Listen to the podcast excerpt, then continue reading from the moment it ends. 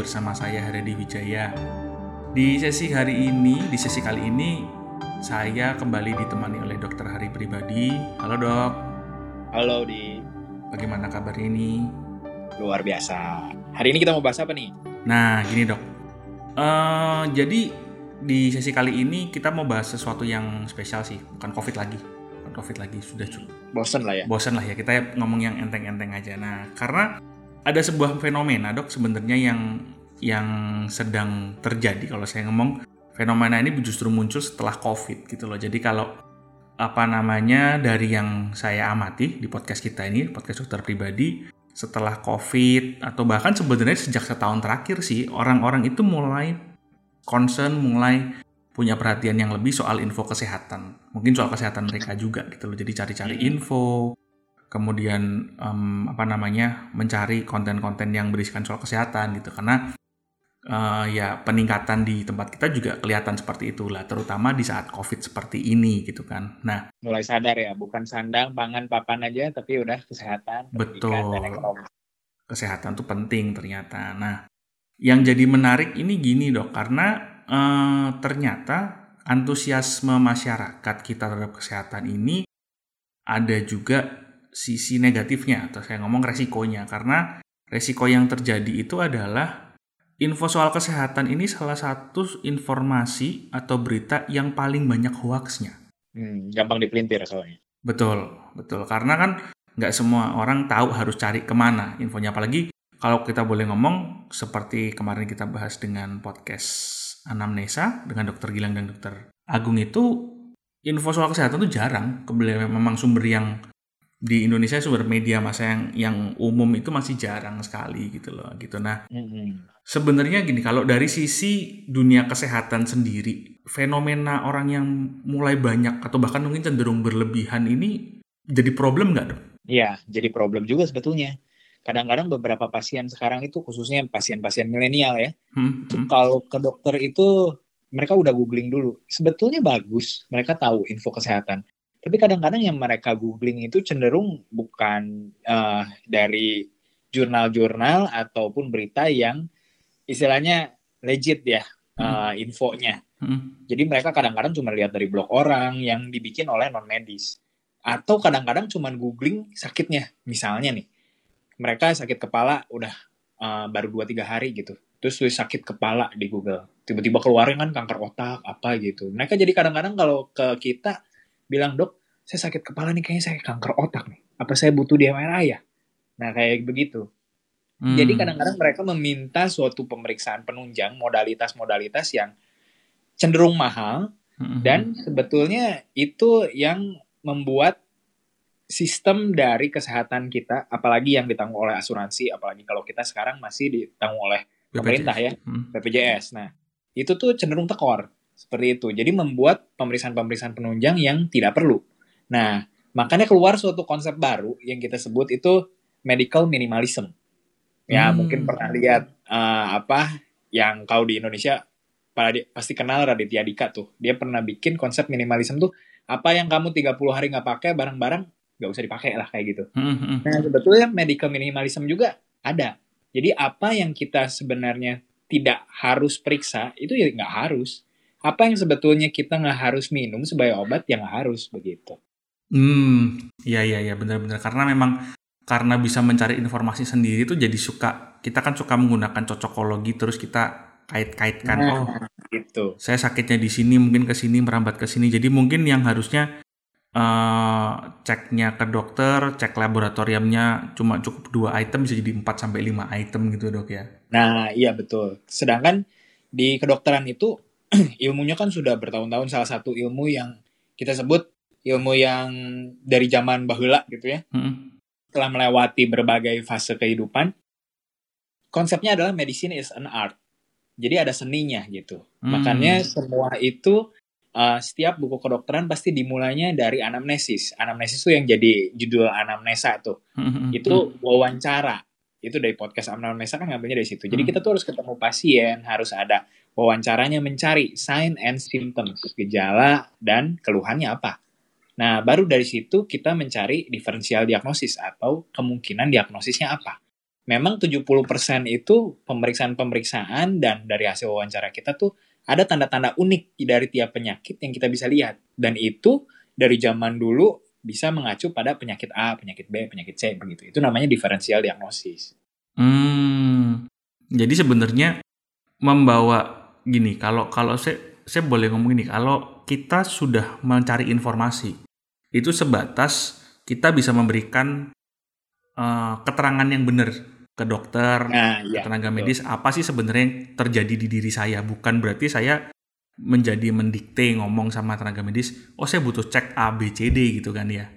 Iya betul. Itu yang jadi suatu konsep juga. Sekarang kan telemedicine lagi lagi konsepnya lagi naik tuh. Betul. betul. Ada salah satu uh, bidang di mana kita itu ada pemeriksaan fisik. Bahkan semua setiap uh, mahasiswa kedokteran pasti ada belajar itu. Itu hmm. untuk mencari simptom. Makanya dokter itu harus ketemu pasien, harus periksa, harus pegang pasien, harus dengerin pakai stetoskop seperti itu. Ada suatu bidang yang tidak bisa disentuh kalau misalnya kita tidak ada kontak langsung. Itu yang agak sulit untuk hmm. uh, medicine menjadi tele gitu. Oh, Oke, okay. betul betul betul betul. Nah, kalau soal tadi ngomong pemeriksaan dan ngomong penyakit itu, salah satu nih yang saya temukan sih, saya temukan biasanya mamah-mamah, ibu-ibu itu, maaf bukan mendiskreditkan, cuma biasanya seringnya terjadi seperti itu. Atau bahkan ya orang-orang yang sadar kesehatan lah, mulai sadar, yang sudah sadar kesehatan, kemudian suka mencari-cari info itu, suka minta obat secara berlebih bro. Contoh nih, contoh, contoh. Kayak yang kapan hari kita pernah ngobrol soal antibiotik itu sama dokter Ray. Salah satu hal yang paling sering dilakukan orang Indonesia ketika ke dokter sakit dan dia punya tanda kutip informasi bahwa obat ini bisa disembuhkan dengan antibiotik. Ketika dia lihat resep nggak ada antibiotiknya tanya, lo dok kok nggak ada antibiotiknya? Itu karena sebenarnya hmm. melihat fenomena seperti itu tuh gimana ya dok ya? Apa sih sebenarnya yang yang harusnya kita lakukan ketika kita ngomong obat? Karena kan orang juga suka mengcompare nih, oh saya sama si dokter si A waktu sakit ini diberi obat ini, si B dikasih obat ini. Apa sebenarnya yang melandasi tenaga medis itu memberikan obat mungkin secara berbeda gitu loh. Untuk Anda yang tidak ingin ketinggalan berita kesehatan terbaru atau ingin berinteraksi langsung dengan tim dokter di podcast Dokter Pribadi, silakan follow akun Twitter kami di @dokterpodcast. Sekali lagi akun Twitter kami ada di @dokterpodcast. Oke. Jadi begini, prinsipnya kalau kita di dunia kedokteran adalah treat the patient by individually atau uh, masing-masing pasien kita treat secara berbeda bukan hmm. treat the number kadang-kadang begitu yang kita sebut hmm. kenapa kadang-kadang pasien sekarang sudah bawa pemeriksaan penunjang yang seabrek ya hmm. dok uh, saya ini sakit A itu gejalanya B C D E F G padahal penyebabnya kan A hmm. nah iya. contohnya yeah. gampangnya ya dok saya pusing kepala agak sedikit demam. Terus badan saya pegel-pegel. Terus saya berbatuk ingusan nih gitu. Terus leher saya sakit. Nah itu semua yang disebut itu gejala. Tapi dokter kan harus cari tahu oh penyebabnya apa? Oh penyebabnya misalnya ini kena bakteri. Bakteri yang menyerang saluran nafas atas. Obatnya tadi antibiotik. Nah obat yang lain yang diberikan oleh tiap dokter itu untuk meredakan gejala lainnya jadi yang obat utamanya adalah antibiotik tapi obat lain misalnya obat sakit kepala obat untuk batuk beringusnya, obat untuk pegal-pegal seperti itu. Itu sebetulnya bukan obat inti, tapi beberapa pasien kadang-kadang selain antibiotiknya mereka minta semuanya tuh. Mm-hmm. Jadi obatnya banyak sekali kan. Mm-hmm. Nah, di konsep medical minimalism ini adalah sebisa mungkin apa yang gejala-gejala yang sebetulnya masih bisa diobatin bukan dengan obat, ya obatin saya dengan biasa gaya hidup seperti itu.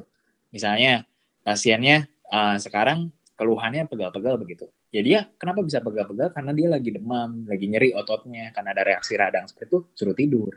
Lama-lama kan besok-besok dia udah bangunnya udah agak kenakan. Bukan dibombardir pakai obat, misalnya obat yang meredakan uh, gejala sakit otot. Efeknya, efek samping dari obat itu ada tuh ke lambung. Efeknya tambah sakit lambungnya. Muncul gejala baru, kita kasih lagi obat mah. Jadi kan seabrek. Hmm. Iya, iya, iya. Memang akhirnya jadi kontraproduktif ya. Memang akhirnya Berarti kalau kita boleh ngomong tadi gaya eh sorry. Berarti kalau kita boleh ngomong medical minimalism ini selain untuk uh, intinya sebenarnya bagaimana memberikan treatment yang sesuai, memberikan treatment yang sesuai dengan ya, proper treatment. Ah, Oke, okay, dengan kebutuhan yang ada aja. Jadi kalau sebenarnya ya karena badan kita ini bisa punya mekanisme penyembuhan, sebenarnya kalau nggak perlu dikasih obat ya nggak usah gitu dok ya? Iya betul. Terus konsepnya juga itu diperbaiki juga. Apa yang bisa kita rubah dengan pola hidup, ya rubahlah. Karena pola hidup kita itu yang menentukan. Sampai ada kata-kata kan, let your food be your medicine. Hmm, ya. Yeah. Nah, jadi kalau kita itu makan sehat, apalagi yang beberapa narasumber kita sebutkan ada plant-based diet, seperti itu. Nah, itu bisa membuat kita konsepnya lebih sehat dan tidak jatuh ke sakit itu lebih baik. Hmm, ya betul betul. Nah, tapi gini dok, sekarang jadi jadi menarik lagi gini lah. Kalau kita ngomong medical itu kan uh, sebenarnya yang yang yang saya syukuri ya ketika orang-orang itu mulai men, banyak mencari info kesehatan, sadar soal kesehatan itu mereka sadar kesehatan itu bukan cuma soal kuratif, bukan cuma soal pengobatan, tapi juga soal pencegahan kan. Nah, hmm. tapi ketika uh, gaya hidup yang lebih sehat itu muncul, kemudian kesadaran untuk pencegahan itu muncul, ada fenomena juga dok. Orang makin sering cari suplemen. Nah, iya betul. Kan ada ada dari yang apalah untuk pria gini gini gini untuk wanita kemudian ada vitaminnya seabrek-abrek itu kemudian untuk macem-macem lah mau dari mau dari yang umum vitamin sampai yang mineralnya itu sampai banyaknya kayak tabel kimia itu kan itu ada hmm. semua hari ini nah sebenarnya perlu nggak sih dok orang itu untuk ya dengan banyaknya suplemen itu gitu loh.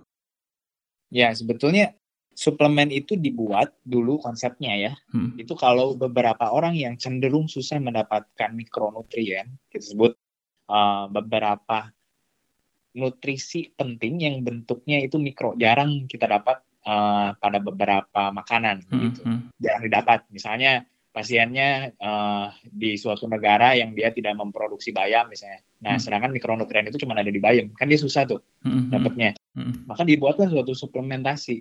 Nah, itu untuk mereka sebetulnya. Tetapi kalau pada beberapa individu yang apalagi di Indonesia ya, rotek seperti itu, rujak, hmm. kita kan sebetulnya makanannya kaya sekali akan uh, keanekaragaman. Yeah, nah, yeah. itu mikro mikronutrien itu biasanya kita dapatkan.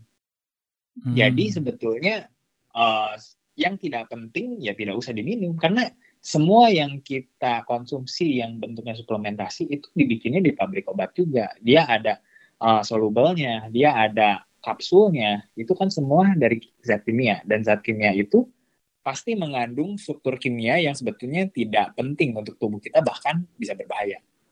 Kalau gitu sebenarnya gini dok, saya juga pernah barusan sebenarnya ngobrol sama teman juga yang beliaunya ini uh, itulah orang yang pahamnya naturalis sebenarnya.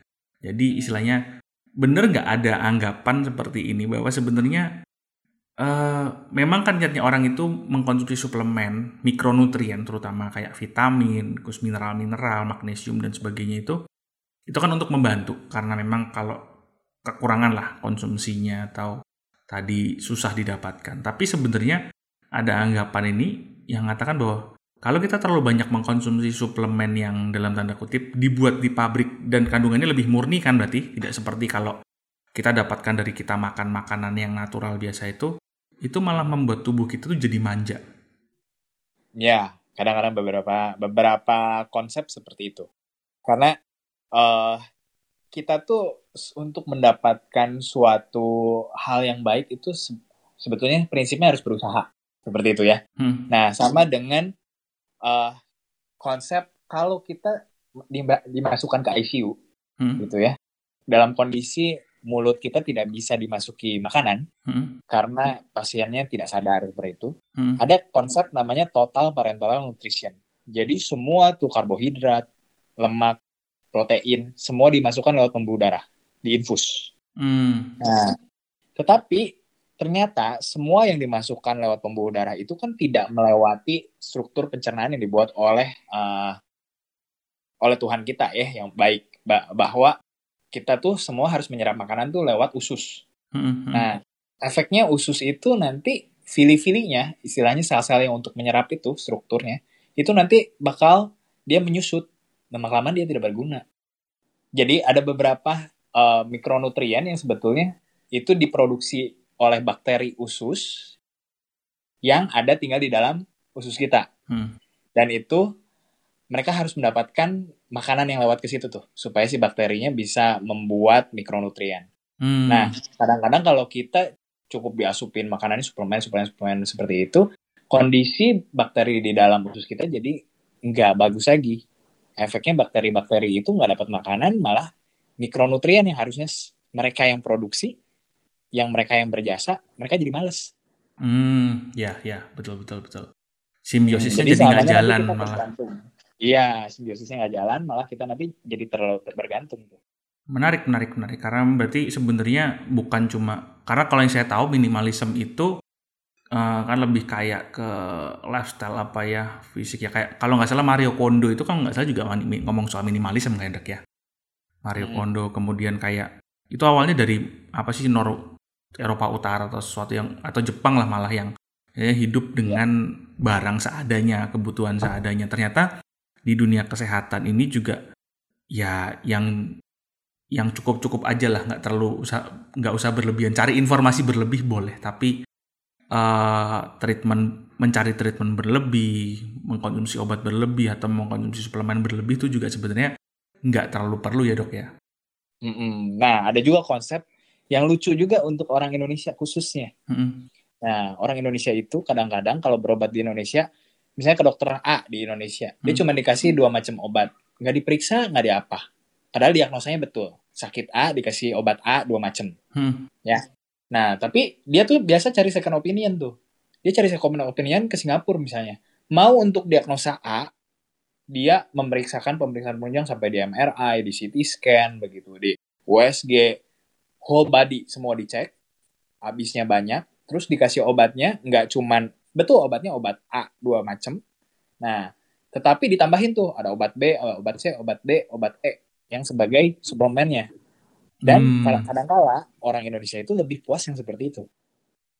Hmm, ya, ya mungkin kebiasaan dok karena kalau pergi makan tuh kan lauknya kan harus empat sehat lima sempurna jadi harus ada yeah. padahal kan mungkin sebenarnya makan nasi sama sayur doang nggak apa-apa tapi kalau nggak ada telurnya nggak ada ikannya nggak ada apanya kerja kurang lengkap gitu kan. Iya yeah, kadang-kadang jadi bilangnya wah dokter di sana di luar negeri lebih jago gitu dibandingkan dokter Indonesia seperti itu. Ya ya ya padahal sebenarnya harusnya dokter yang jadi dokter badannya sendiri ya dok ya? Mm -mm. ya ya ya ya memang intinya sebenarnya uh, ya bersyukur makin banyak orang yang sadar kesehatan. Terima kasih buat pendengar-pendengar kita yang makin sadar, makin makin terus mencari informasi kesehatan sehingga bisa menyehatkan tubuhnya, mengerti. Tapi balik lagi mencari informasi yang banyak itu bukan berarti kita juga berharap yang banyak-banyak juga berlebih juga lah istilahnya kalau saya ngomong di lifestyle kesehatan kita. Kita harus justru dengan informasi yang banyak ini kita harus bisa mulai memilah mana sih yang baik kita lakukan, mana yang cukup kita lakukan, mana yang ya harusnya kita tinggalin aja kayak gitu. Oke, mungkin kira-kira begitu Dokter Hari. Terima kasih. Ya. Terima kasih di. Ingin bertanya lebih lanjut mengenai topik sesi ini atau ingin mengusulkan topik-topik kesehatan untuk kami bahas dengan ahlinya. Jangan lupa follow dan DM melalui akun Instagram kami di @dokter.pribadi.official. Sekali lagi, akun Instagram kami ada di @dokterpribadi.official.